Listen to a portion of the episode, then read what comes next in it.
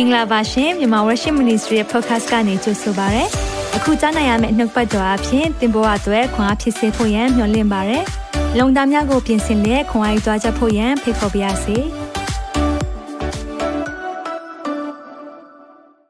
Good morning, good afternoon, good evening မလို့နှုတ်ဆက်ပါရနော် MWTV ကို Australia နိုင်ငံကနေခုချိန်မှာတိုက်ရိုက်ထုတ်လွှင့်ပေးနေတာဖြစ်ပါတယ်။မိခွန်းနေအများကြီးရထားတယ်နော်ကျွန်တော်တို့မိခွန်းနေ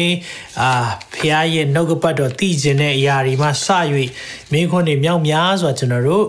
ပတ်စင်တိုင်းမှာလက်ခံရရှိတယ်။အဲ့ဒီထဲမှာတချို့မေးခွန်းတွေက personal ဖြစ်ပါတယ် personal မေးခွန်းတွေတော့ကျွန်တော်တို့ personal အကောင့်မှာပဲဖြည့်ပေးပါတယ်။အဲတချို့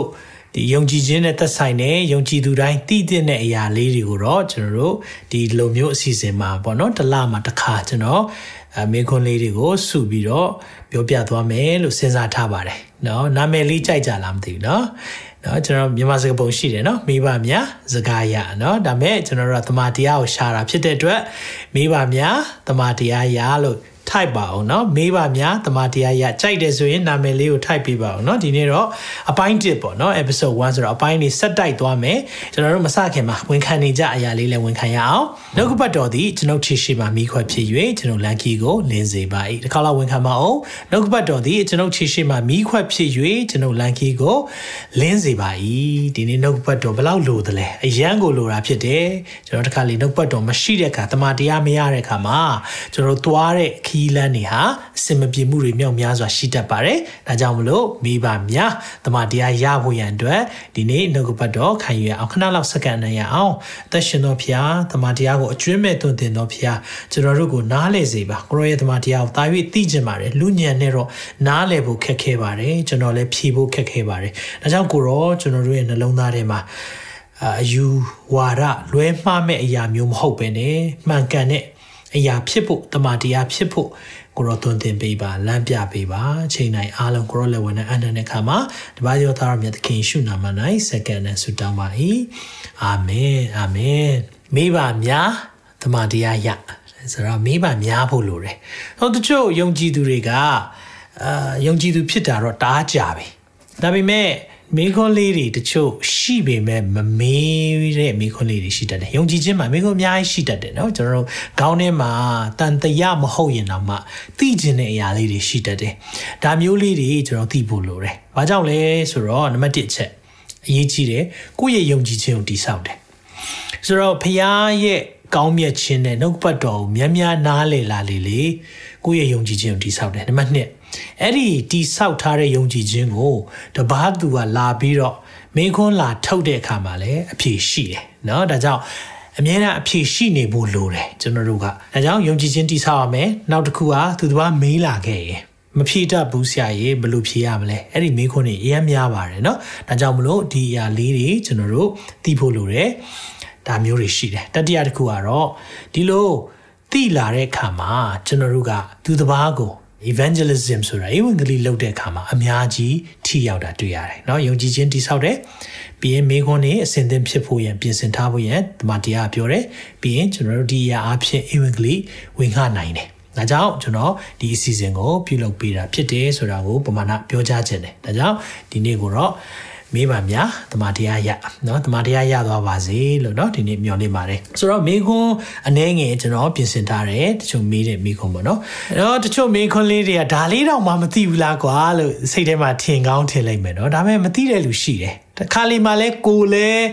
မသိနေတာလဲရှိတတ်တယ်မင်းရမှာစိုးရိမ်တာပေါ့နော်ဒီမင်းခွန်းလေးတော့မသိဘူးလို့ပြောမလားမသိဘူးဆိုပြီးကြောက်ပြီးတော့မမေးတာမျိုးလဲရှိတတ်တယ်ဆိုတော့အဲ့လိုမဖြစ်ပါနဲ့ဒါကြောင့်ကျွန်တော်တို့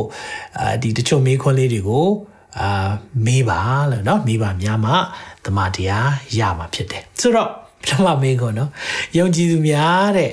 ထီထိုးလို့ရလားတဲ့ချဲထိုးလို့ရလားတဲ့နောက်ပြီးတော့ အာနှလုံးနေသုံးလုံးနေထိုးလို့ရလားတဲ့နော်ဒီမေးခွန်းနေမေးတယ်နော်ဆိုတော့အာအဖြေကတော့ no မရပါဘူးလို့ဘာကြောင့်မရလဲဆိုတာကိုကျွန်တော်ချမ်းပိုက်လေးတချို့ ਨੇ ကျွန်တော်ရှင်းပြသွားခြင်းတယ်ဆိုတော့ထီထိုးတယ်ချဲထိုးတယ်ဘာကြောင့်ထိုးတာလဲထီထိုးတယ်ဆိုတော့တယောက်ဆိုပြောတယ်ဆရာထီရအောင်ပါလီတို့ဘာလို့ဆိုရင်ဒါအစိုးရတရားဝင်အတိမတ်ပြုထားတာမဟုတ်ဘူးလားဒါတွေလုံးလို့မရအောင်လားတဲ့ဆိုတော့ကျွန်တော်ပြန်မေးခွန်းမေးပါတယ် ဟိုထိုင်းမှာပဲဖြစ်ဖြစ်เนาะနယ်သာလန်တို့ဘာတို့မှာဆိုရင် ပြည်တစားလုပ်ငန်းကတရားဝင်အစိုးရအသိမှတ်ပြုထားဆိုတော့အဲ့ပြည်တစားလုပ်ငန်းရောတရားဝင်သွားလို့ရလားမရပါဘူးเนาะဆိုတော့အရက်ဆိုင်တရားဝင်ဖွင့်ထားတဲ့အရက်ဆိုင်တွေအများကြီးရှိတယ်ဩစတြေးလျမှာဆိုလဲ pub တွေဆိုတော့သွားပြီးတော့အဲ့ဒီမှာတရားဝင်အစိုးရဖွင့်ထားတာပဲเนาะလောင်ကစားယုံတွေဒီမှာလည်းတရားဝင်ဖွင့်ထားတာအများကြီးရှိတယ်လှုပ်လို့ရလားเนาะလှုပ်လို့မရဘူးအစိုးရတရားဝင်ဖွင့်ထားတယ်ဆိုတိုင်း လှုပ်လို့မရဘူးဒါကြောင့်မလို့ထီတို့เนาะချဲတော့ထားပါတော့ဆရာရဲ့အောင်ပါလီထီတို့ပါတော့ထိုးလို့ရလားเนาะထိုးလို့မရပါဘူး။ဘာကြောင့်ထိုးလို့မရလဲ။ဒီနော်တစ်တီအခန်းကြီး6 Timothy Oras အခန်းကြီး6အငယ်30မှာလူပြောပါတယ်။ချောင်းမူကငွေကိုတတ်မှတ်ခြင်းသည်မကောင်းသောအမှုပေါင်းတို့တွင်မူလအမြင့်ဖြစ်သည်တဲ့။ငွေမဟုတ်ဘူးနော်။ငွေကိုတတ်မှတ်ခြင်း။အဲကြောင့်မမားဖို့လိုတယ်။တခါလေကြာရင်ငွေကအပြစ်လို့မြင်တာမျိုးဆိုရင်တော့ အဲ့ဒါမမှန်ပါဘူးเนาะဆိုတော့ကျွန်တော်တို့ငွေကအပြစ်ဆိုရင်ဒါကြီးကိုဘာလို့ကျွန်တော်တို့ကငွေငွေကိုလုံးဝဟိုမော်နော်ဟိုကင်တော့မှာလဲရှာတော့မှာလဲเนาะငွေကအပြစ်မဟုတ်ဘူးငွေကိုတတ်မှတ်ခြင်းကသာအပြစ်ဖြစ်တယ်အဲ့ဒါကိုအရင်ဆုံးနားလည်ဖို့လိုတယ်ဆိုတော့လူချို့တို့ဒီငွေကိုတတ်မှတ်သောကြောင့်ယုံကြည်ခြင်းတရားလမ်းမှလွဲသွား၍ဆိုတော့ငွေကိုတတ်မှတ်လွန်းတာကြောင့် ယုံကြည်ခြင်းတရားလမ်းရွေးတယ်ဆိုတော့ဘာကြောင့်မလို့တခါလေမှာကျွန်တော်တို့ကထီထိုးတာလဲဆိုရင်ဟာချမ်းသာခြင်းလေလူငယ်လေးတယောက်ပြောတယ်ဆရာထီပေါက်ရင်လေဆရာကိုကျွန်တော်ကအင်းအသင်းတော်အတွက်90ရာခိုင်နှုန်းပေးချင်တာတဲ့ဆိုတော့နော်ဒါသူ့ရဲ့အကြောင်းပြချက်ပေါ့ကျွန်တော်ထီပေါက်လို့ကတော့ဆရာကို 90ရာခိုင်နှုန်းပေးမယ်။နော်ဖះ90ရာခိုင်နှုန်းမတောင်းပါဘူး။10ဖို့တဖို့ပဲတောင်းပါတယ်။ရတဲ့အရာလေးပုံမှန်လေးအဲ့ဒါလေးတွေပေးဖို့လိုပါတယ်။နော်ဒါကြောင့်တစ်ခါလေးကြာရင်ကျွန်တော်တို့ရဲ့ဟိုဘန်းပြတဲ့အရာတွေဖြစ်နေတတ်တာပေါ့နော်။ဘန်းပြပြီးတော့ငွေကိုတက်မှတ်ခြင်းကမကောင်းပါဘူးဆိုမှနော်ဒါတွေကိုကျွန်တော်တို့ကရှာဖွေတတ်တယ်။ဒါလေးတွေမဖြစ်ဖို့အရေးကြီးတယ်နော်။အဲကြောင့်မလို့ဗာပြောလဲဆိုတော့ငွေကိုတက်မှတ်ခြင်းကြောင့်ယုံကြည်ခြင်းတရားလက်မှလွဲသွား၍တဲ့ပူပန်ခြင်းဝေနာများနဲ့ကိုကိုကို ထုတ်ချင်းခတ်အောင်ထိုးကြပြီဆိုတော့ငွေတက်မှတ်လွန်းတဲ့အခါမှာเนาะအလုတ်လည်းဖြစ်နိုင်တယ်ထီမမဟုတ်ပါဘူးเนาะကျွန်တော်တို့ငွေရှာတာမကောင်းမဟုတ်ပါဘူးကောင်းပါတယ်တမချန်းစာနိုင်ကပါပြောလဲဆိုတော့အလုတ်လုတ်မှပဲစားစီတဲ့အလုတ်မလုတ်ရင်မစားခိုင်းဘူးเนาะထိုင်စားနေတဲ့အုပ်စုတွေဖျားမကြိုက်ဘူးအလုတ်လုတ်မှစားခိုင်းတာဒါတမချန်းစာပြောတာเนาะဆိုတော့အလုတ်လုတ်မှစားပါစားပါစေဆိုတဲ့အရာပေါ့เนาะ ဒီလိုမျိုးတွေအာကျွန်တော်တို့တွေပြောထားတာရှိတယ်ဆိုတော့အဲကြောင့်မလို့ငွေကိုတတ်မှတ်ခြင်းဟာမကောင်းတဲ့အမှုရဲ့မူလအမြစ်ဖြစ်တယ်ဆိုတာသိဖို့လိုတယ်ဆိုတော့သခင်ယေရှုကဒီဒီကိစ္စနဲ့ပတ်သက်ပြီးပြောလာပြောတာပေါ့နော်ဆိုတော့မာသဲ6ထဲမှာဘယ်လိုပြောထားလဲဆိုတော့အငယ်24မှာဘယ်သူများသခင်နှစ်ဦးအစီကိုမခံနိုင်သခင်တူကိုမုံ၍တူကိုချစ်မိသခင်တူကိုမိခို၍တူကိုပမာမခံပြုမိသင်တို့သည် ဖျားသခင်အစေကို၎င်းလောကီစီးစိမ်ဤအစေကို၎င်းမခံနိုင်ကြအဲ့ဒီမှာလှုပ်တဲ့အရာလေးတွေเนาะဆိုတော့အဲ့ဒီမှာပြောတဲ့အရာလေးတွေကဘာကိုပြောတာလဲဆိုတော့သခင်နှစ်ဦးလို့ပြောတဲ့အခါမှာ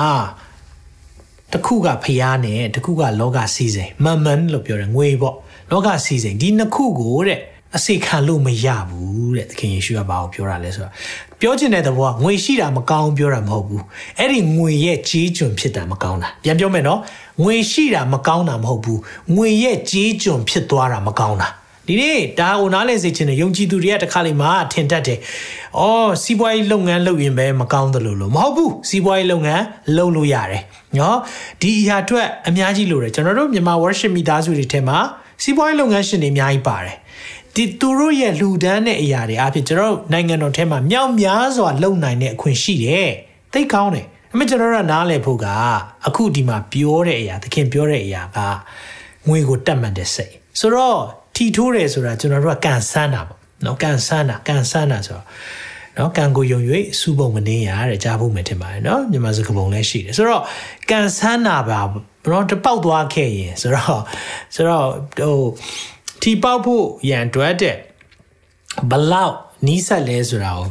နော်ဟိုဥပမာလေးတစ်ခုပြောထားတယ်အဲ့ဒါပါလဲဆိုတော့လူတယောက်တွေ့ရင်တဲ့မင်းဖုန်းနံပါတ်ကတဲ့ဘလောက်ဘလောက်ဘလောက်ဘလောက်ဘလောက်ဘလောက်ဘလောက်ဖြစ်မယ်လို့ပြောကြည့်တဲ့အဲ့ဒါမှန်တယ်ဆိုရင်ထီပေါက်နိုင်တယ်တဲ့ဆိုလူတယောက်တွေ့ရင်ဖုန်းနံပါတ်နော်မပြောနဲ့မင်းဖုန်းနံပါတ်ကအလွတ်ပြောမယ်ဆိုပြီးတော့ပြောကြည့်လိုက်39ဘလောက်ဘလောက်ဘလောက်လို့ပြောလိုက် အဲအဲ့ဒါမှန်တယ်ဆိုရင်တော့ထီပေါက်နိုင်တယ်တဲ့ဆိုတော့ပြောချင်တဲ့သဘောကเนาะထီထိုးတယ်ဆိုတဲ့အရာတွေကယုံကြည်သူတွေနဲ့ဘ ဘာမှမသက်ဆိုင်တဲ့အရာဖြစ်ပါတယ်လို့เนาะဒါကြောင့်ငွေကိုတတ်မှတ်တဲ့စိတ်ကမကောင်းဘူးတစ်ချိန်တည်းမှာပဲเนาะဒါကလောကစည်းစိမ်ကိုရှာခြင်းတဲ့စိတ်ရှိတယ်အဲလူငယ်တယောက်ကလာပြောတယ်ကျွန်တော်တဲ့အရန်ချမ်းသာခြင်းတယ်တဲ့ပတ်စံရှိခြင်းတယ်တဲ့အဲ့လိုပြောတော့ဘာဖြစ်လို့လဲလို့ကျွန်တော်မေးလိုက်တော့အဲဒါတင်တန်းတစ်ခုမှာပေါ့နော်ဆိုတော့ဘာဖြစ်လို့လဲလို့ပြောတော့သူက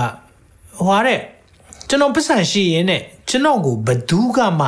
ဘာလုပ်ပါဆိုတာလာပြောလို့မရတော့ဘူးတဲ့အဲ့နဲ့ဩ okay so no one can tell me what to do တဲ့အဲဆိုတော့ဘယ်သူမှငါ့ကိုဘာမှလာမပြောနဲ့ဆိုတော့ဘာဖြစ်တာလဲဆိုတော့သူငွေရှိရင်ကြိုက်တာလုပ်လို့ရသွားပြီဆိုတဲ့အဓိပ္ပာယ်ဖြစ်သွားတယ်ဆိုတော့အဲနားလေဖို့ကပါလဲဆိုတော့ तू လိုချင်တာ power လေ နော်ဆိုတော့အာနာကိုလိုချင်တာ power ကိုလိုချင်တာဆိုတော့အဲ့ဒါကိုရချင်တဲ့ခါမှာ तू ကငွေရှိချင်တယ်ဆိုပြီးဖြစ်တဲ့ခါမှာကလေးလူငယ်လေးပါเนาะဆိုတော့ကျွန်တော်သူ့ကိုအများကြီးပြောပြခဲ့တယ်တကယ်တော့အဲ့ဒီ power ဆိုတဲ့အရာကမတုံးတတ်ရင်တိတ်ကိုကြောက်ဖို့ကောင်းတဲ့အရာငွေဆိုတဲ့အရာလည်းမတုံးတတ်ရင်တိတ်ကိုကြောက်ဖို့ကောင်းတဲ့အရာဖြစ်တယ်ဆိုတော့เนาะဆိုတော့သခင်ယေရှုနဲ့လူငယ်လေးတယောက်တွေ့တယ်အဲ့လူငယ်လေးလည်းချမ်းသာတဲ့လူငယ်လေးဖြစ်တယ်เนาะငွေရှိတယ် rich young ruler လို့ပြောတယ်အသက်လည်းငယ်တယ်ချမ်းသာကြွယ်ဝတယ် ruler ဆိုတော့အာဏာလည်းရှိတယ် rich young ruler နော်ဆိုတော့သူနဲ့တွေ့ကြတယ်သူနဲ့တွေ့တော့အဲ့မှာသခင်ယေရှုသွားလာမိတယ်ကောင်းမြတ်သောဆရာနော်ဆိုတော့ကောင်းမြတ်သောဆရာဘာလို့ငါ့ကိုကောင်းတယ်လို့ခေါ်တာလဲဖះကလွဲပြီးကျန်တဲ့လူမှမကောင်းတာလို့အဲ့လိုပြောလိုက်တယ်ဆိုတော့အဲ့ဒါကိုတချို့ကကြည့်ပြီးတော့ယေရှုက तू လည်းမကောင်းလို့ပြောတယ်လို့ပြောတယ်တဲ့နော်တချို့ကအဲ့လိုမျိုး ကောက်တဲ့အဖွဲ့ရှိတယ်လို့မဟုတ်ဘူးမဟုတ်ဘူးဆိုတော့သူကယေရှုကိုဖျားဖြစ်တယ်ဆိုတဲ့သဘောများအများကြီးဒီတဲမှာသူ့ရဲ့မိကုန်းထဲမှာပါတယ်ကောင်းမြတ်သောဆရာ good teacher နော် good rabbi ကောင်းမြတ်သောဆရာနောက်ဆိုတော့သူကောင်းတယ်ဆိုတာသူသိတယ်အဲ့မှာသခင်ယေရှုကပြန်ပြောလိုက်တယ်လေနောက်ဆုံးသူနဲ့အခြေတင်စကားပြောတဲ့အခါမှာဘာပြောလိုက်လဲဆိုတော့ကဲဒါဆိုရင်နော်အာမင်းဖျားရဲ့စကားနားထောင်ဖျားရဲ့ပြည့်ညက်တွေရှိတယ်လိုက်လျှောက်လေ အဲ့လိုပြောတော့ဒါတွေအားလုံးသူလုပ်ပြီးပြီတဲ့ဆိုတော့သူကဖျားစကားနားထောင်ခြင်းမှလည်းသူအာသန်နေဆိုတာကိုပြတယ်အဲ့မှာတစ်ချိန်တည်းမှာပဲဒါဆိုရင်မင်းရဲ့ပစ္စည်းဥစ္စာတွေရောင်းပြီးတော့စင်းရဲသားတွေပေးလိုက်ဆိုအဲ့ဒီမှာကြတော့ तू သူ့ရဲ့ဖျားကဘာလဲဆိုတာပေါ်သွားတယ်သူ့ဖျားကငွေဖြစ်နေတာ तू ကစီးစိမ်ဥစ္စာများစွာချွေဝါတဲ့အခါမှာတဲ့အဲ့ဒီစကားလဲကြားလဲကြားရောအယံကိုဝမ်းနေပြီးတော့သခင်ထံထွက်သွားတယ်တဲ့ အဲ့လိုထွက်သွားတဲ့အခါမှာသခင်ယေရှုပြောလိုက်တဲ့စကားလေးဒီမှာရှိတယ်အဲ့ဒါဘာလဲဆိုတော့မာသဲ19ထဲမှာเนาะဒီအကြောင်းအရာလေးရှိတယ် 23မှာယေရှုကလည်းငါအမှန်ကန်ဆိုသည်ကငါအမှန်ဆိုသည်ကငွေရတတ်သောသူသည်ကောင်းကင်နိုင်ငံတော်သို့ဝင်ခဲလာ၏เนาะဆိုတော့ပတ်စံရှိရင်ကယ်တင်ခြင်းမရဘူးလို့ပြောတာမဟုတ်ပါဘူးเนาะဆိုတော့တခါလေမှာငွေရပြီးတော့ငွေကိုဦးစားပေးပြီးတော့ကျန်တဲ့အရာမလိုတော့တဲ့သူတွေဒါကြောင့်မလို့အရန်ချမ်းသာတဲ့သူတွေကိုဖျားချောင်းပြောပြရတာသိခက်တယ်ဘာလို့ဆိုသူတို့ကအကုန်ပြည့်စုံနေတယ်လို့ဖြစ်တာပေါ့เนาะသူတို့ဘဝမှာတဖန်ငါဆိုဒီကကလအုပ်ဒီအနဖာကိုရှိုလွယ်၏ ငွေရတတ်သောသူသည်ဖျားသခင်နိုင်ငံတော်ကိုဝင်ခဲသည်ဟုတပည့်တော်တို့အားမိန်တော်မူ၏တဲ့ဒါကြောင့်မလို့ငွေနဲ့ပတ်သက်ပြီးတော့ကျွန်တော်တို့ရှားမယ်เนาะအလုပ်လုပ်ရမယ်မိသားစုအတွက်လိုအပ်တဲ့ဟာတွေရှိတယ်။ဒါပေမဲ့ငွေရဲ့ကြေးကျွန်ဖြစ်လို့မရဘူး။ငွေကိုတတ်မှတ်တဲ့စိတ်နဲ့လည်းအရာရာကိုလုပ်လို့မရဘူး။အဲ့ဒါမျိုးဆိုရင်တော့အပြစ်ဖြစ်သွားတယ်။ဒါကြောင့်မိကုံပြန်ပြောရမယ်ဆိုရင်ထီထိုးလို့ရသလား။မရပါဘူး။တနည်းအားဖြင့်ယုံကြည်ခြင်းတရားလမ်းကနေလွဲတယ်ဆိုတဲ့အဓိပ္ပာယ်ကဖျားကိုမယုံရဲတာ။ နော်ဖះကိုမယုံရဲတာဖះကိုမယုံရဲတဲ့ခါမှာအဲ့ဒီအရာကိုဖះကမကြိုက်ဘူးမနေ့ပြင်ပါဖြစ်မလဲမစိုးရိမ်ပါနဲ့ဖះတာဝန်ယူမယ်နော်စာငတ်တကောင်ကအငတ်မထားတဲ့ဖះဖြစ်တယ်ဒါကြောင့်မလို့ကျွန်တော်တို့ ဒီရအားလုံးเนาะဒီနေ့မလုပ်ဖို့လိုတယ်เนาะယုံကြည်သူများတချို့တွေလည်းဘုရားရှိခိုးဝင်ကြတောင်းပန်တဲ့အရာတွေရှိတယ်เนาะနှလုံးတွေသုံးလုံးတွေအောင်ပါလီတွေဒါတွေယုံကြည်သူနဲ့လုံးဝမသက်ဆိုင်တဲ့အရာဖြစ်တယ်ဆိုတာကိုအဲ့ဒါအဲ့ဒီမေခွန်လေးနဲ့ကျွန်တော်ဖြည့်ချင်ပါတယ်เนาะဒါကြောင့်မလို့ယုံကြည်များထီထိုးလို့ရပါလားရပါသလားနော်မရပါဘူး။ဘာကြောင့်လဲဆိုတော့ဖះကိုမယုံကြည်ရကြတယ်။ငွေကိုတတ်မှတ်ခြင်းကိုပြောတာဖြစ်တယ်ဆိုတာကိုနားလည်ဖို့လိုတယ်။နံပါတ်1ချက် အဲလာပြီဘေးရင်လက္ခဏာကြည့်လို့ရလားတဲ့ဆိုတော့တယောက်ကဘာပြောလဲဆိုတော့ဆရာကိုတွက်တော့တဲ့ဟိုကြည်တာတော့မဟုတ်ဘူးပေါ့နော်သူများကိုကြည်ပေးလို့ရမလားတဲ့ဆိုတော့သူများအတွက်ကြည်တာမျိုးပေါ့နော်ဆိုတော့ကျွန်တော်ကအဲ့ဒီမှာအဲ့မေခွန်းကိုကြည့်တဲ့အခါမှာတော်တော်လေးဝမ်းနေသွားတယ်ဘာလို့လဲဆိုတော့ဖျားတတ်နိုင်နေဆိုတဲ့အရာဖက်ကိုဆွဲမခေါ်သွားပဲနဲ့သူ့မိတ်ဆွေအတွက်ကိုဘေးရင်ကြည်ပေးမလို့ဆိုတဲ့အခါမှာ အော်ဘေးရင်ဆရာပိုဆွမ်းတယ်လို့ तू ကဝန်ခံလိုက်တာနဲ့အတူတူပဲလေနော်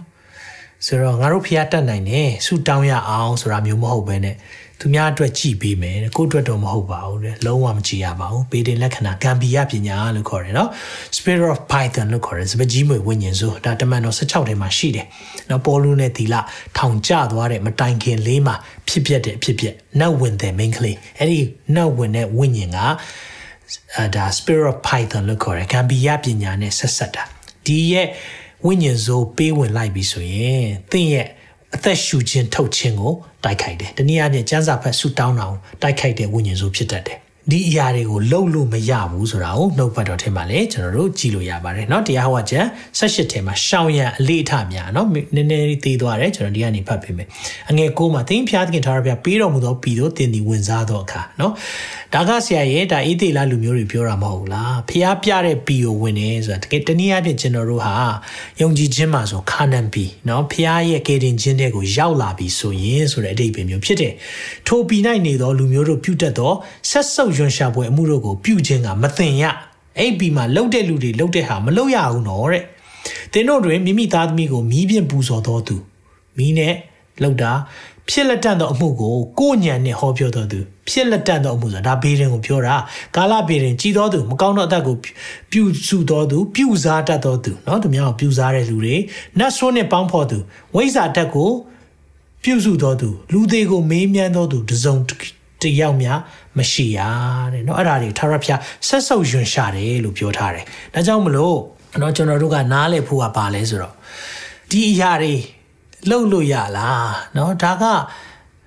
ဖះကိုလုံးဝမယုံဘူးလို့ပြောလိုက်တာ ਨੇ အတူတူပဲဖះနော်ငါမတပါအခြားသောဖះမကိုးကွယ်နဲ့အဲဆိုတော့စာတန်ကောဒီယာတွေဟောနိုင်လားပြောနိုင်လားလုံနိုင်တာပေါ့နော်လောကရဲ့ဖះလို့ဒီမှာကျမ်းစာထဲမှာပြောထားတဲ့ကမှာစာတန်ရဲ့လုံနိုင်တဲ့အရာတွေအများကြီးရှိတယ်နော်ဆိုတော့ဘေဒင်လက္ခဏာပဲမဟုတ် tarot ကကြည်တာတော့နော်နောက်ပြီးရင်အဲကြောင့်မဂဇင်းထဲမှာ horoscope နော်ခုနှစ်နှစ် သားများအတွက်ဘာဟာလားခုနှစ်နှစ်ရက်သားများအတွက်ဘာညာဆိုတဲ့ဟာလေးတွေကျွန်တော်တို့ကဟာမှန်တယ်ဟေးကြည့်ပါအောင်ဟေးနော်မဂဇင်းတွေထဲမှာပါတာတွေကျွန်တော်ငယ်တော့ဆိုလဲအဲ့ဒါတွေဖတ်ပြီးတော့သွားတာမျိုးရှိခဲ့ဘူးတယ်နားမလည်ခဲ့လို့နော်ဆိုတော့တမန်တရားကိုသွန်သင်ပေးတဲ့သူမရှိခဲ့တော့ဒါမျိုးတွေကျွန်တော်တို့ကကြုံပြီးတော့နော်ရတရားခြေရမယ်ဆိုအေးဆူတောင်းလိုက်မယ်လေးတွေပါလောက်တာမဟုတ်ဘူးမဟုတ်ဘူးအဲ့ဒါတွေလုံးဝလောက်ခွင့်မရှိဘူးနော်ဘာကြောင့်လဲအရာအလုံးဖျား ပိုင်တယ်ဖျားတတ်နိုင်တယ်ဒါကြောင့်ရှင်းမသက်6အငယ်31မှာထို့ကြောင့်ဘေးသို့စားတော့ရမည်နီနော်နောင်ဖြစ်လက်တက်ဘေးရင်ဆိုတာဘာဖြစ်လာမလဲသိကျင်တာလေနော်ဒါကြောင့်ဘယ်သူစားသားရမလဲဘယ်သူဝေးရမည်မစိုးရင် ਨੇ ထိုအရာများကိုသာသနာပလူတို့သည်ရှာဖွေတတ်ကြ၏တဲ့မယုံကြည်သူတွေလှုပ်တဲ့အလုပ်ပါဒါတွေကစိုးရိမ်ပြီးတော့เนาะဘယ်လိုလုပ်ရင်ကောင်းမလဲ။ဘာကြောင့်လဲဆိုတော့ထိုအရာများကိုသင်တို့သည်အသုံးလိုကြောင်းကိုကောင်းကင်ဘုံ၌ရှိတော်မူသောသင်တို့အဘသည်သိတော်မူ၏။ဆိုတော့ ကောင်းကင်အဖဒါတွေအားလုံးသိတယ်တဲ့ဘုရားသခင်နိုင်ငံတော်နှစ်ဖြောင်းမှန်ခြင်းတရားတော်ကိုရှေးဥစွာရှာကြလောနောက်မှထိုရံများကိုထိုက်ရိပ်ပေးတော်မူလက်တံထို့ကြောင့်နက်ဖြတ်နေဖို့မဆိုရင်နဲ့နက်ဖြတ်နေသည်မိမိဖို့ဆိုရင်လိမ့်မည်เนาะဒီအရာကိုကျွန်တော်တို့နားလည်ဖို့ပြောပြခြင်းတယ်ဒါကြောင့်ရှေ့မှာဘာဖြစ်လာမလဲဘာဖြစ်လာမလဲကျွန်တော်တို့စိုးရိမ်တာရှေ့မှာဖြစ်မဲ့အရာတွေကျွန်တော်တို့ကစိုးရိမ်တဲ့အခါမှာဒါမျိုးတွေလုံမိသွားတတ်တယ် ဒါကြောင့်ကျွန်တော်တို့ဒါတွေကိုလှုပ်ဖို့ရန်အတွက်ဘုရားကအလိုတော်မရှိဘူး။ဒါကြောင့်ဘေးရင်လက္ခဏာ tarot card တွေကြီးသင့်လားယုံကြည်သူတွေလုံးဝမပတ်သက်ပါနဲ့လုံးဝမမေးပါနဲ့เนาะဒါတွေကျွန်တော်တို့နဲ့လုံးဝမဆိုင်တဲ့အရာဖြစ်တယ်ဆိုတာကိုသိထားဖို့လိုပါတယ်เนาะโอเคဒါနံပါတ်1မေးခွန်းလေးဖြစ်ပါတယ်เนาะစင်ပြေကြလားမသိဘူးเนาะเนาะတချို့လူတွေအာဒါဘူးတုဒ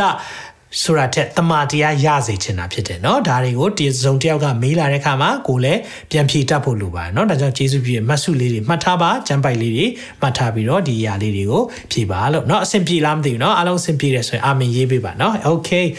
เนาะယောရှုမတ်စာဒါဒီမှာကနံပါတ်3เนาะ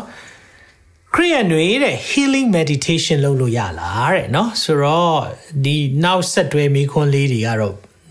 ဆက်ပြီးရှိနိုင်တာပေါ့เนาะ ဆိုတော့ခရိယန်တွေ healing meditation ဆိုတာ healing meditation เนาะဆိုတော့ကျမ်းမာခြင်းအတွက်တရားထိုင်တာမျိုးလုပ်လို့ရလားပေါ့နော်တရားထိုင်တာဆိုတော့တရားထိုင်နေเนาะယောဂအခုချိန်မှာယောဂလည်းရှိတယ်เนาะတကယ်တော့ယောဂတို့ဘာလို့ကတော့ကိုယ်ခန္ဓာအတွက်ဟိုကျမ်းမာရေးအတွက်လှုပ်တာမျိုးကနေစခဲ့တယ်ဆိုတာမျိုးကျွန်တော်နားလည်တယ်သို့တော့ เนาะဒီမှာဘာရှိလာလဲဆိုတော့ခုနောက်ပိုင်းမှာဒီဒီလိုမျိုးအာကိစ္စတွေတော်တော်များများ new age ဆိုတဲ့ movement ပေါ့เนาะ crayon လိုလိုဘာလိုလိုနဲ့ဘာတွေကိုသူတို့ကပြောလဲဆိုတော့ energy တဲ့ energy ဘယ်ကလာလဲဆိုတော့စัจ java တဲ့ universe ထဲက energy တွေရဖို့တဲ့เนาะဖျားစီဖျားဆိုတဲ့အသုံးအနှုန်းတွေ မမကြားအောင်ဒါအစားထိုးလိုက်တဲ့စာတန်ရဲ့ပါနှက်တဲ့အရာဒါကြောင့်မလို့ဟောက်တော်ချင်သေးကဲ့သို့အဘယ်သူကိုဝါမြူရမယ်ဆိုတာစိစိရှာနေတယ်နော်စာတန်ကဆိုတော့ယုံကြည်သူတွေကဒါအောင်မသိတဲ့ခါမှာအော်ဒါကျမ်းမာရေးအတွက်ပဲလေလောက်တာတို့စသဖြင့်ပေါ့နော်အဲ့လိုမျိုးတွေတွေလောက်တဲ့အခါမှာဘာတွေရှိလာလဲဘာတွေဖြစ်လာတတ်လဲဆိုတော့အဲ့ကနေမသိလိုက်ပဲနဲ့เนาะကိုကိုကိုအာယုံ site ပါ you are god အော်မင်းကဖျားဖြစ်တယ်တွေဘာတွေဖြစ်လာတယ်ဆိုတော့ဒါကြောင့်မလို့ နော် healing meditation တွေအရန်ဆင်ခြင်စေချင်ပါတယ်နော်အဲ့ဒါလေးတွေကိုအရန်ဆင်ခြင်ရအောင်ဘာကြောင့်လဲဆိုတော့ ကျမ်းမာခြင်းကဖျားပေးပိုင်နိုင်တယ်ဆိုတာယုံပါနောက်ပြီး meditation မလုပ်ရအောင်မဟုတ်ဘူးယုံကြည်သူတွေလုပ်လို့ရတယ်ဘယ်မှာ meditation လုပ်ခိုင်းထားလဲဒီမှာယောရှုမတ်စာအခန်းကြီး1ငယ်8မှာထိုပြည့်နဲ့တိကျမ်းစာ၌ရေးထားသမျှအတိုင်းကျင့်မိဟုစောင့်ရှောက်ခြင်းအလို့ကကျမ်းစာကိုမဖတ်မရွတ်ပဲမနေနေညမပြတ်ကြည့်ရှုဖတ်ယူရမည်တို့ပြုလင်သင်တဲ့အကြံထားမြောက်အောင်မြင်လိမ့် meditate day and night တဲ့နော်ကြည့်ရှုဖတ်ယူတာဖတ်ယူတာကိုအင်္ဂလိပ်လို့ဆိုရင် meditate လုပ်ပါတဲ့နော် meditate လုပ်တယ်ဆိုတော့တရားမှတ်ပါလို့ပြောတာပေါ့နော်နေညမပြတ်ဖတ်ရှုရမယ်တဲ့နော်ဆိုတော့ဒါကြောင့်မလို့အာကျွန်တော်တို့ယုံကြည်သူတွေတရားမှတ်တာဆိုရင်เนาะတမာတရားနဲ့တကယ်ဆင်ခြင်တယ်မနေ့တိုင်းကျမ်းစာဖတ်ဖို့လိုတယ်ကျမ်းစာဖတ်ပြီးတော့ကျွန်တော်ဆိုရင်ကျွန်တော်နဲ့ဆရာမကအခုအားလုံးသိပါတယ်เนาะစုံမက်တဲ့နဲ့ကျွန်တော်တို့ကျမ်းစာဖတ်လာတဲ့အခါမှာတရက်ကိုတစ်ခန်းပဲဖတ်ပါတယ်ဒါပေမဲ့အဲ့ဒီတစ်ခန်းကိုနေ့တိုင်းအကျင့်လုပ်ပြီးဖတ်တဲ့အခါမှာเนาะတစ်ခန်းပေမဲ့အဲ့ဒီကနေဖခင်ရဲ့ဖော်ပြချက်တွေစင်ပွားစင်ပွားအများကြီး ရတယ်ပြီးရင်ကျွန်တော်တို့မနေ့ပိုင်း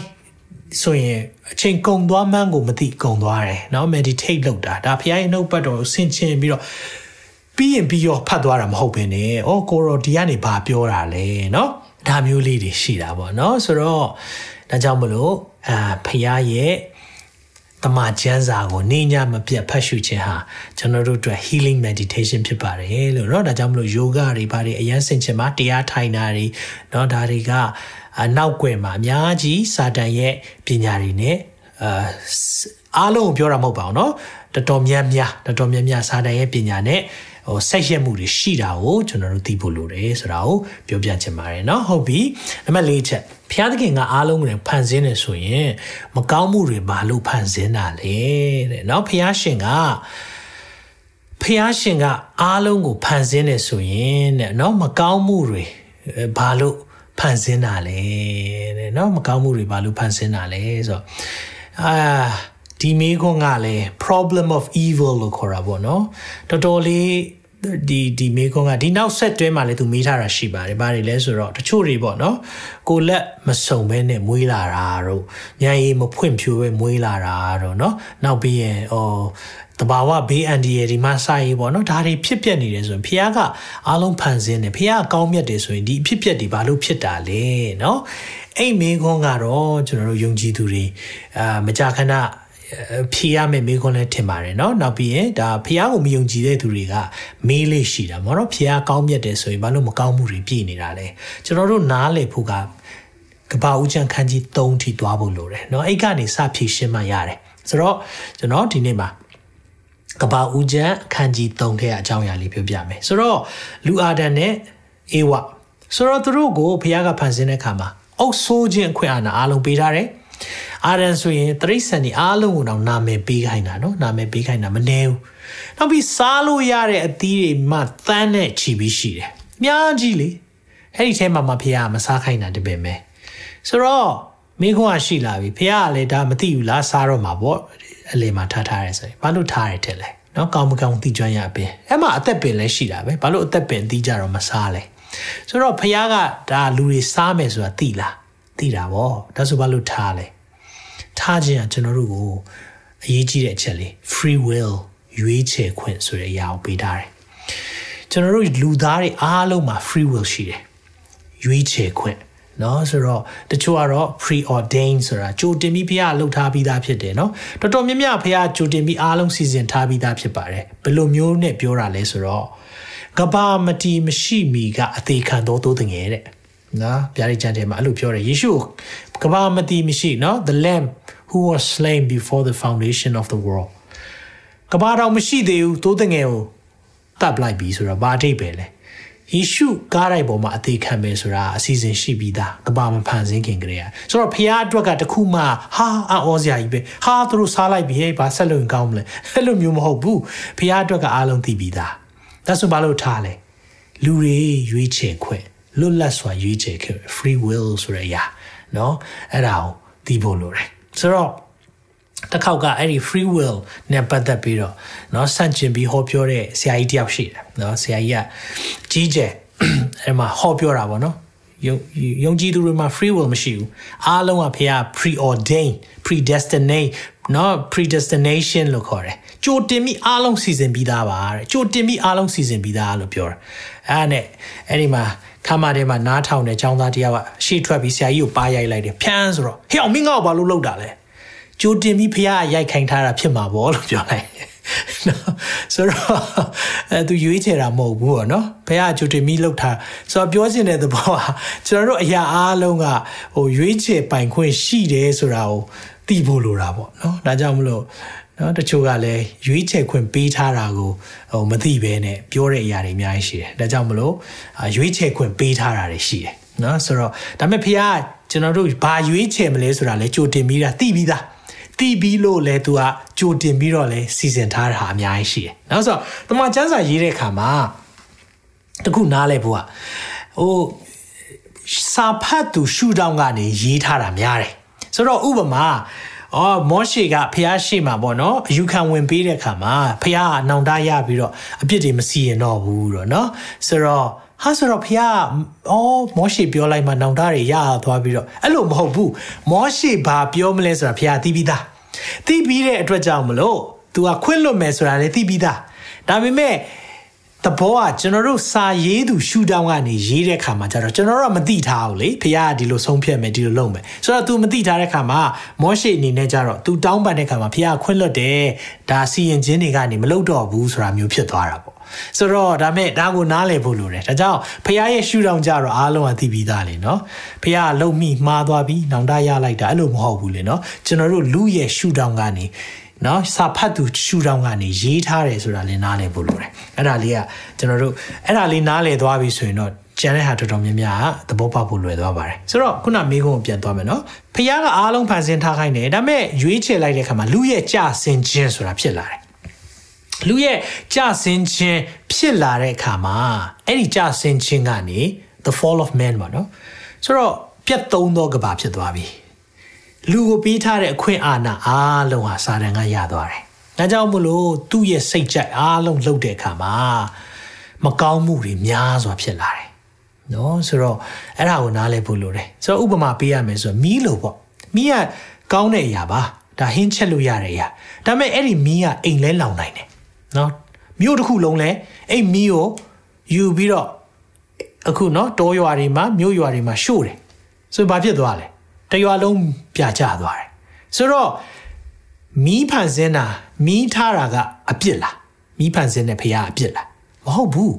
အသုံးပြုတဲ့သူတွေရဲ့အပြစ်နောက်ပြီး evil ဆိုတဲ့မာနရဲ့လောက်ရက်เนาะဒါတွေကရှိလာတဲ့ခါကျတော့เนาะဖရားကအရာအလုံးဖန်ဆင်းတာ ဆိုတာအကောင်းအတွက်ပဲဖရားဖန်ဆင်းဒါကြောင့်မလို့ဖန်ဆင်းခြင်းပြီးတဲ့အခါမှာ it is good it is good အားလုံးကောင်းတယ်ကောင်းတယ်လူဖန်ဆင်းပြီးတဲ့အခါမှာအလွန်ကောင်းတယ် very good အားလုံးကောင်းတယ်ဒါမဲ့ဘယ်မှာဖြစ်သွားလဲအပြစ်တရားရဲ့နောက်မှာအပြစ်တရားဝင်ပြီးနောက်မှာပြတ်သုံးသောကဘာဖြစ်သွားတာဒါကြောင့်မလို့ကျွန်တော်တို့အိုတယ်နာတယ်သေတယ်ဒါတွေအားလုံးဆက်တိုက်ဖြစ်သွားတာဒါတွေအားလုံးအိုခြင်းနာခြင်းသေခြင်းတွေဗျာအစကတည်းကနေဖန်ဆင်းထားအစီအစဉ်မရှိဘူးလူရဲ့ရွေးချယ်မှုနဲ့ဖြစ်လာတဲ့ ရွေးချယ်မှုနောက်ရဲ့နောက်ဆက်တွဲဆိုတာကိုကျွန်တော်နားလည်ဖို့လိုတယ်เนาะဒါကြောင့်ဖခင်ဒါမဲ့ဒီမှာမပြီးသွားဘူးအားလုံးကိုကောင်းကင်တင်နဲ့မြေကြီးတင်အကုန်လုံး restoration ဆိုတာပြန်လည်ပြီးဖခင်အသစ်ပြန်လုပ်ပေးမယ် all things new အရာအားလုံးဖခင်အသစ်ပြန်လုပ်ပေးမယ်အချိန်ရှိသေးတယ်ဒါကြောင့်ကျွန်တော်ဇက်လန်မပြီးသေးဘူးနောက်ဇက်လန်တစ်ဝက်မှာပြီးသွားပြီးတော့ပိတ်လိုက်ပြီးတော့ဟလာအာဒီဇက်လန်ကြီးကမကောင်းလိုက်တာကွာဆိုပြီးတော့ရက်ဖို့မဟုတ်ဘူးဆက်ပြီးကြည့်သွားပါလို့နော်ဇက်သိန်းရှိသေးတယ် ဒါကြောင့်ဗျာဒိတ်ချန်20 21 22အမှဖတ်ကြည့်လိုက်မယ်ဆိုရင်တော့ဖခင်ကကျွန်တော်တို့လူကဘာကြီးဘလို့ပြန်လုပ်ပေးမလဲအကုန်လုံးပါရှိတယ်နော်ဒါကိုနားလည်ဖို့ဖြစ်တယ်ဒါကြောင့်မလို့ဖခင်ကမကောင်းမှုတွေဖန်ဆင်းလာမဖန်ဆင်းပါဘူးစာတန်ကဂျားကနေဝင်ပြီးတော့အခွင့်အာဏာယူသွားပြီးတော့ပြက်သုံးတော့ကဘာအနေနဲ့သူ့ရဲ့လောက်ရက်တွေအားလုံးဖြစ်တယ်နော်ဒါဖန်ဆင်းခြင်းတွေကိုဖျက်ဆီးဖို့ရန်အတွက်ပြင်ဆင်တဲ့အရာတွေဖြစ်တယ်ဒါပေမဲ့အဲ့ဒီမှာမပြီးသေးဘူးဖခင်ကအသစ်ပြန်လဲပြီးတော့ ပြုပြင်သွားမယ်ပြလုပ်သွားမယ်ဆိုတာကိုနားလည်ဖို့ဖြစ်တယ်နားလည်နိုင်မယ်ထင်ပါတယ်เนาะโอเคဟုတ်ပြီเนาะကျွန်တော်တချို့မေးခွန်းတွေလည်းရထားတယ်အဖြေပေးမယ်เนาะခဏလေးတော့ကျွန်တော်เนาะဒီမှာရှိတဲ့မေးခွန်းလေးတွေเนาะတစ်ခုတစ်ခုပဲကြံတယ်ကိုချစ်သူပေါ်ရင်ခုန်တာအပြစ်လားတဲ့เนาะသူသူမေးခွန်းထဲမှာဆိုရင်เนาะဒါအဲသူကတော့သမီးစားကြိုက်နေတဲ့အခါမှာတယောက်နဲ့တယောက်เนาะရင်ခုန်တယ်အဲတွေ့တဲ့ချိန်မှာเนาะဆိုတော့ဒါမဲ့ နော်အဲ့ဒီမှာရင်ခုန်တာတော့အပြစ်မဟုတ်ပါဘူးเนาะကိုချစ်ချစ်တဲ့သူနဲ့တွေ့တဲ့အခါမှာစိတ်လှုပ်ရှားတာအပြစ်မဟုတ်ပါဘူးဒါပေမဲ့အဲ့ဒီရင်ခုန်ခြင်းစိတ်လှုပ်ရှားခြင်းကနေကိလေသာအဖြစ်ပြောင်းသွားပြီเนาะလက်မထပ်သေးပဲနဲ့အတူနေခြင်းတွေဖြစ်လာပြီဆိုရင်တော့အပြစ်ဖြစ်သွားပြီเนาะဒါကြောင့်မလို့ကျွန်တော်တို့ထိမ့်ဖို့လိုတယ်เนาะအဲ့ဒါကြောင့်အာဒီအရာလေးကိုနားလည်ဖို့လိုတယ်ဒါကြောင့် ရင်ခုန်ခြင်းကတော့အပြစ်မဟုတ်ပါဘူးဒါမဲ့အဲ့ဒီရင်ခုန်ခြင်းရဲ့ရင်ခုန်တဲ့နေကနေเนาะတခြားအရာတွေပြောင်းသွားမယ်ဆိုရင်တော့ဖះမကြိုက်တဲ့အရာဖြစ်သွားပြီးတော့မလိုလားအပ်တဲ့ဆိုးကျိုးတွေရှိတယ်အပြစ်ဖြစ်သွားမယ်ဆိုတာကိုနားနေစေချင်တယ်เนาะဒါကြောင့်ချစ်သူပေါ်ရင်ခုန်တာတော့အပြစ်မဟုတ်ပါဘူးသို့တော့အဲ့ဒီရင်ခုန်ခြင်းကိုတော့เนาะ self control ကာမဂုဏ်ချုပ်တီးခြင်းဆိုတဲ့အရာနဲ့ထိန်းဖို့တော့လိုတယ်ဆိုတာကိုပဲအကြံပြုချင်ပါတယ်နံပါတ်6เนาะပြောင်းလဲလာတာမကြာသေးတဲ့သူတွေ သတင်းကျွတ်ကြော့တာတွေလှုပ်လို့ရပါသလားတဲ့เนาะဆိုတော့ဒီတယောက်ကဗာမေးလာလဲဆိုတော့သူပြောင်းလဲလာတာမကြသေးဘူးသူ့အမေတော့သိတယ်အတော်ရမသိတဲ့ခါမှာသတင်းကျွတ်မှာအတင်းကြော့ခိုင်းတာပေါ့เนาะဒါမျိုးတွေ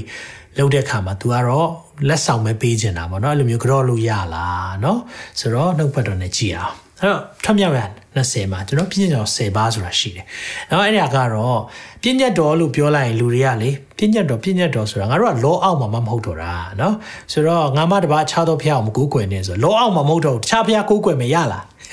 မရဘူးလေနော်။ဆိုတော့လောလို့ပြောလိုက်တိုင်းမှာကျွန်တော်တို့က၃ပိုင်းသိရမယ်။နော်။ဘာလဲဆို ceremonial law ဆိုတာ ceremonial နော်တာသက်ခြင်းနေနောက်ပြီးရင်အရေးပြားလေးခြင်းနေရစ်ပူဇော်ခြင်းနေအဲ့ဒါ ceremonial law လို့ခေါ်တယ်။နောက်တစ်ခုက civil law တရားမဥပဒေနော်ဆိုတော့ဘာမလုပ်ရညာမလုပ်ရကျွန်တော်အများကြီးရှိတယ်တရားမဥပဒေနဲ့ပတ်သက်ပြီးတော့ကျန်းစာထဲမှာကြည့်မယ်ဆိုရင်နော်ဝေပြူရကျန်းတော်လျာကျန်းဒီထဲမှာအများကြီးဖះပြောထားတဲ့အရာတွေရှိတယ်တရားဟောကျန်းတွေမှာပြီးရင် နောက်တစ်ပိုင်းရှိတယ်ဖះနဲ့ပတ်သက်ပြီးတော့ moral law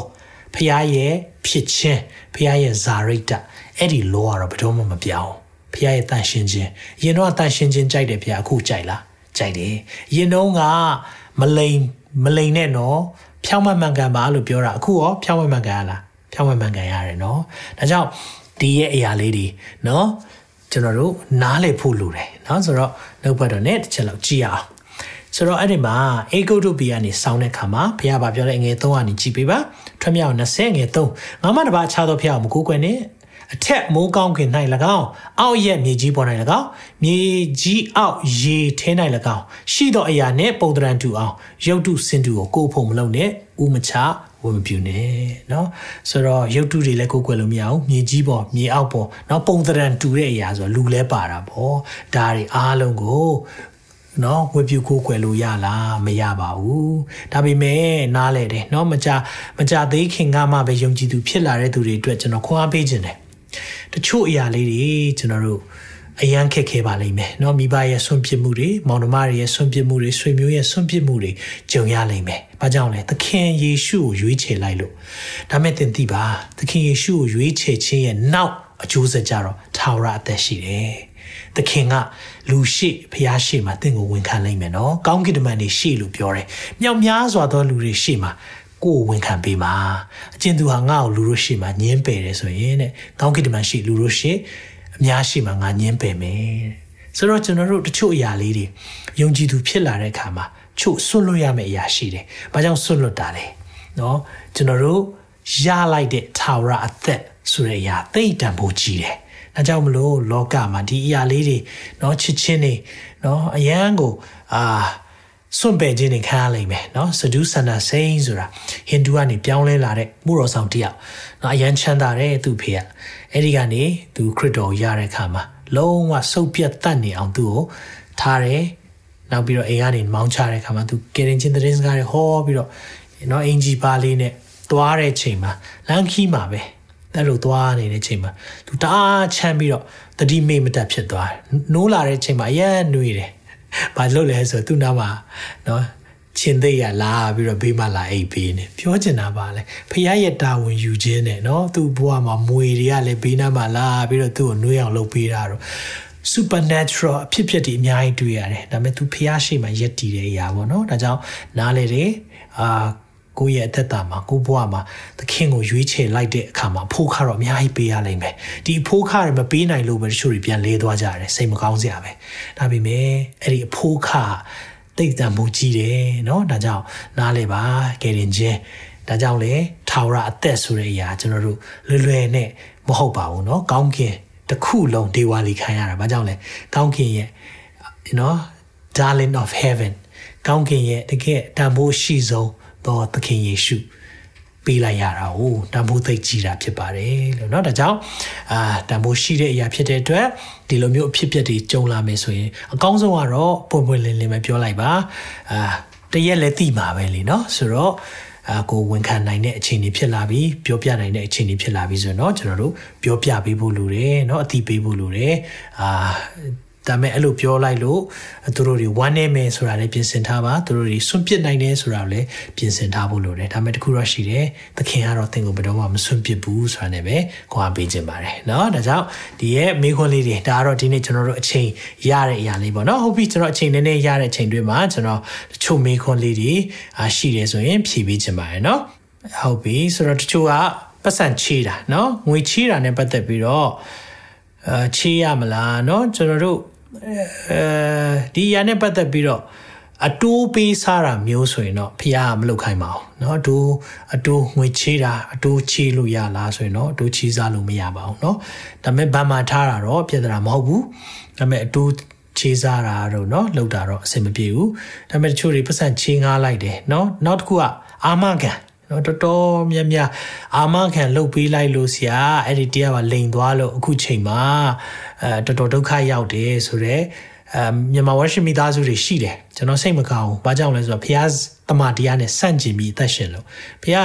အဲ့လိုမျိုးအာမခံခိုင်းတာတွေပါမလောက်ခိုင်းဘူးเนาะတမန်ကျမ်းမှာတမန်တရားထဲမှာဒါပြောထားပြီးသားဖြစ်တယ်ဆိုတော့အာမကြားတဲ့အာမမခံပြီးပါနဲ့เนาะဟွာလို့လဲဆိုကိုကိုမပိုင်ဘူးเนาะအာမခံလို့မရဘူးဒါကြောင့်မလို့မိတ်ပြက်ခြင်းပြက်ပါစေဒါမဲ့အဲ့လိုမျိုးတော့ကြားတဲ့ကနေတရားရောက်ငွေချေးလို့လဲအာမမခံပါနဲ့နောက်ပြီးတော့ချေးလာတဲ့အခါမှာကိုက ပေးနိုင်တော့ပေးလိုက်ပါเนาะပေးနိုင်နေဆိုရင်တော့ပေးလိုက်ပါเนาะပေးနိုင်တဲ့အမောင်မဟုတ်ဘူးဆိုရင်လည်းတတ်နိုင်သလောက်သူတို့အဆင်မပြေတဲ့ခါမှာเนาะသသိန်းကြီးတယ်ဆိုရင်တော့เนาะကို1000 2000တတ်နိုင်တယ်ဆိုရင်တော့ရောမချီးပါနဲ့ယူသွားလိုက်ပါเนาะဒီလိုမျိုးပေးနိုင်တဲ့အတိုင်းတာရှင်ပေးလိုက်ပါလို့เนาะနှုတ်မဟုတ်ရင်တော့အကျိုးဆက်တွေတစ်ခါလေးမှာအများကြီးခံစားရတတ်တယ်ဆိုတော့ပြောပြချင်တယ်เนาะရောပွဲဟင်းနေယုံကြည်သူတွေစားတင်သလားတဲ့ဆိုတော့ အဲရုပ်တုရှိမှကိုးကွယ်တဲ့အရာစားတောက်တွေမစားဖို့အာတနေရာနှစ်နေရာလောက်မှာတမန်တော်ထဲမှာပြောထားတာရှိတယ်เนาะဆိုတော့ဒါတွေမစားနိုင်ရင်တော့မစားတာကောင်းပါတယ်လို့เนาะအဲသူများကြော့ခံတာရောအဖြစ်ရှိတာဖြစ်နိုင်ရင်ကြော့မခံပါနဲ့เนาะဘာကြောင့်လဲဆိုတော့ကောင်းကင်တမန်တော်မှာအဲပေတျုတို့တွေ့တဲ့အခါမှာယောဟန်တို့တွေ့တဲ့အခါမှာသူတို့ကလည်းကိုကိုလန့်သွားတာပေါ့เนาะအဲ့လိုဖြစ်တဲ့အခါမှာသူတို့လည်းเนาะဟို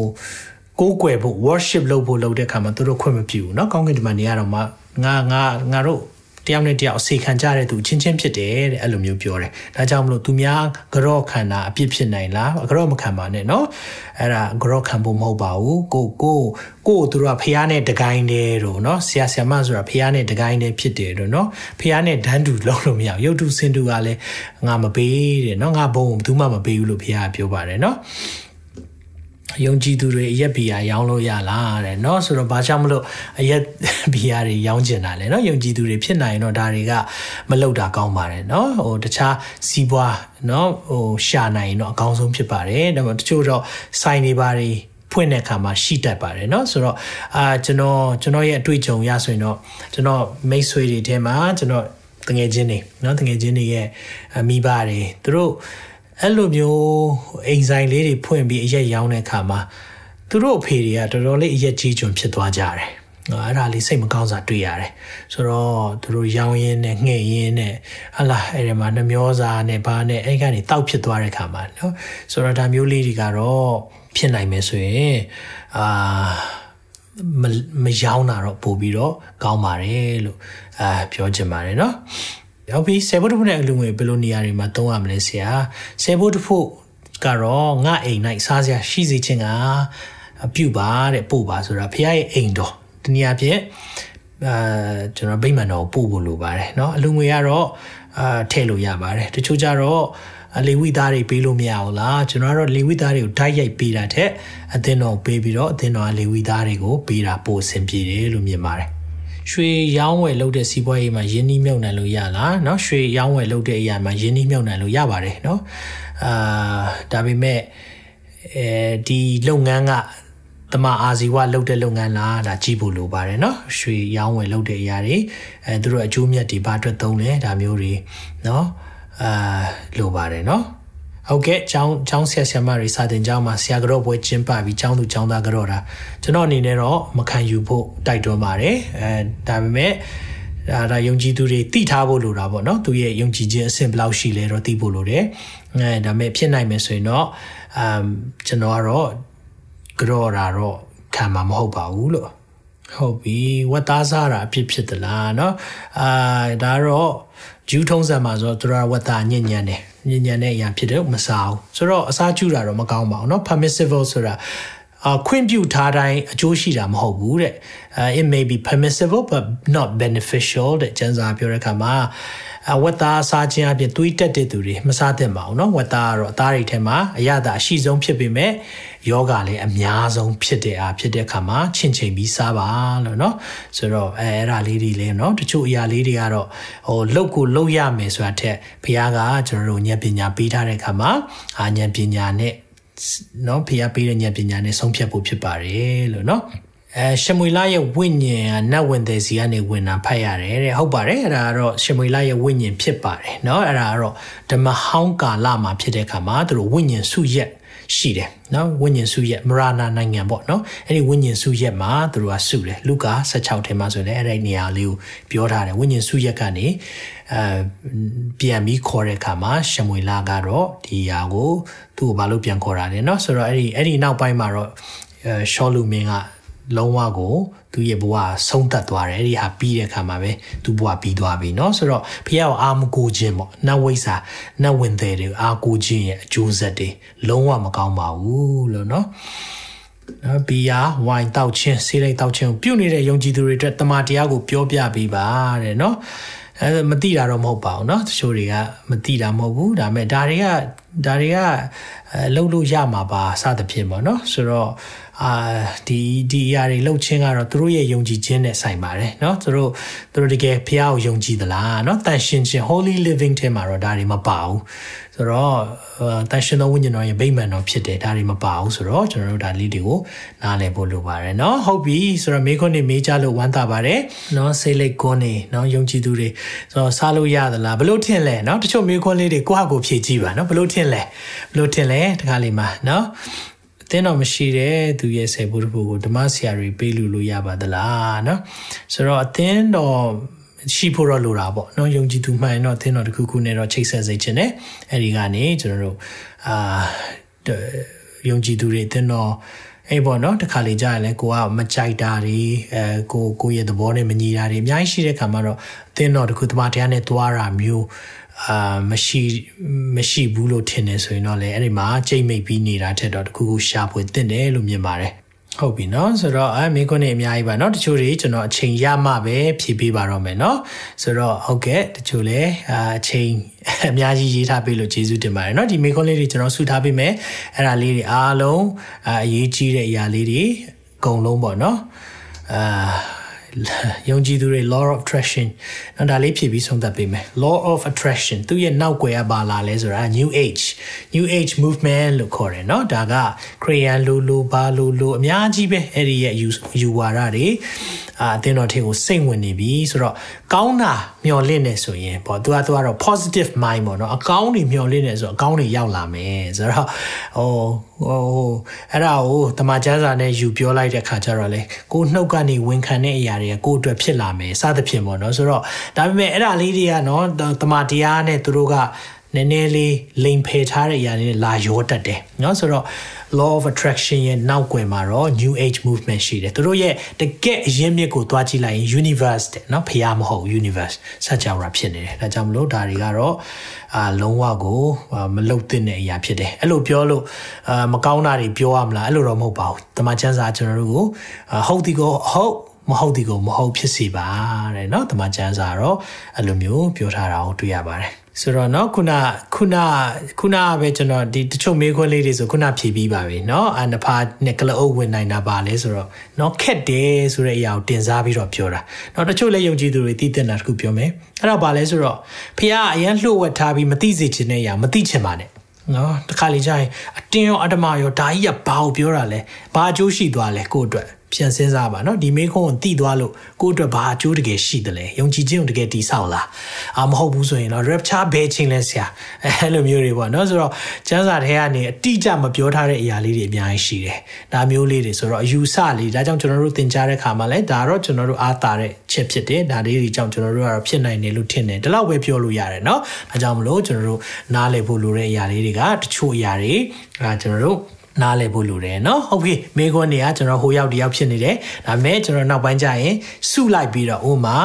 အဲကျွန်တော်တို့ဝိညာဉ်တော်နဲ့ပတ်သက်တဲ့မိခွန်းเนาะဒါမှမဟုတ်ရင်ယုံကြည်ခြင်းနဲ့ပတ်သက်တဲ့မိခွန်းဒါမှမဟုတ်ရင်ကျမ်းစာနဲ့ပတ်သက်တဲ့မိခွန်းစသဖြင့်ကျွန်တော်တို့အဲ့ဒါလေးတွေကိုเนาะဒီသက်အာဖြည့်ပြီးသွားပါမယ်လို့เนาะ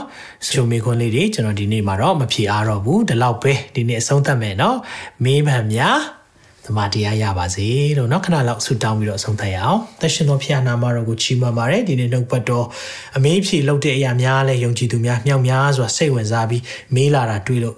ဝမ်းသာပါတယ်ကိုရောဒီအရာမြတ်တမန်တရားကိုတာ၍နားလည်ပြီးတော့သူတို့ရဲ့သက်တာမှာတိဆောက်မှုအကြောင်းဖြစ်ပါစေသူတို့ရဲ့သက်တာမှာလိုအပ်တဲ့အရာများကိုရော ကျွန်တော်ဖြေနိုင်တာတဲ့တန်ရှင်တော်ဝိညာဉ်တော်ဘုရားသူတို့ကိုအဖြေပေးပါဒီຢာတွေအားလုံးနားလည်ရတဲ့အခွင့်ပေးပါကိုရောကိုရောလက်ဝင်နိုင်ပဲအပ်ပါတယ်ဒီနေ့အစီအစဉ်အတွက်ကျေးဇူးတင်တယ်နောက်လထဲမှာကျွန်တော်ဒီအစီအစဉ်ပြန်လုပ်တဲ့အခါမှာဘုရားရဲ့အတူပါရှိခြင်းနဲ့လမ်းပြခြင်းရှိစေပါတစ်ချိန်တည်းမှာပဲကိုရောတမန်တရားကိုကျွန်တော်တို့စိစိကြည့်ပြီးတော့နားလည်သောယုံကြည်သူများဖြစ်ဖို့ရန်အတွက်ကိုရောပို့ဆောင်ကောင်းချီးပေးပါတပါးသောသားရမြတ်သခင်ရှုနာမ၌ဆုတောင်း၍ဒီအစီအစဉ်ကိုဆုံးသက်ကြပါ၏အာမင်အာမင်ယေရှုတင်နဲ့ဖျာရှင်ထူကောင်းကြီးပေးပါစေနောက်ထုတ်လွှင့်ချက်မှာပြန်တွေ့ပါမယ်တင်ခုလိုနာဆင်ခွန်အားနိုင်ခြင်းဟာမြန်မာ Worship Ministry ကိုလာဆင်ပန်ပိုးနေကြတဲ့ Kingdom Partners များအကြောင်းဖြစ်ပါတယ်။ဖျားခင်နိုင်ငံတော်ကျယ်ပြန့်ရေးအတွက်လာဆင်ပေးကမ်းပောင်းဖို့ရန်ဖိတ်ခေါ်လိုပါတယ်ရှင်။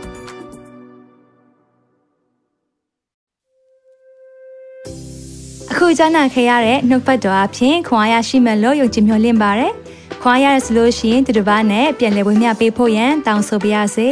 မြန်မာ Worship Ministry ရဲ့ website myanmarworship.com ကိုလည်းလာရောက်လေ့လာဖို့ရန်တွဲဖိတ်ခေါ်ချင်ပါတယ်တချိန်ထဲမှာမြန်မာ Worship Ministry ရဲ့ social media platform များဖြစ်တဲ့မြန်မာ Worship YouTube Channel မြန်မာ Worship Facebook Page နဲ့မြန်မာ Worship Instagram များကိုလည်းလာရောက်လေ့လာဖို့ရန်အတွက်ဖိတ်ခေါ်ချင်ပါတယ်နောက်တစ်ချိန်မှာပြန်လည်ဆုံတွေ့ကြပါစို့ဖျားရှင်ကောင်းကြီးပေးပါစေ။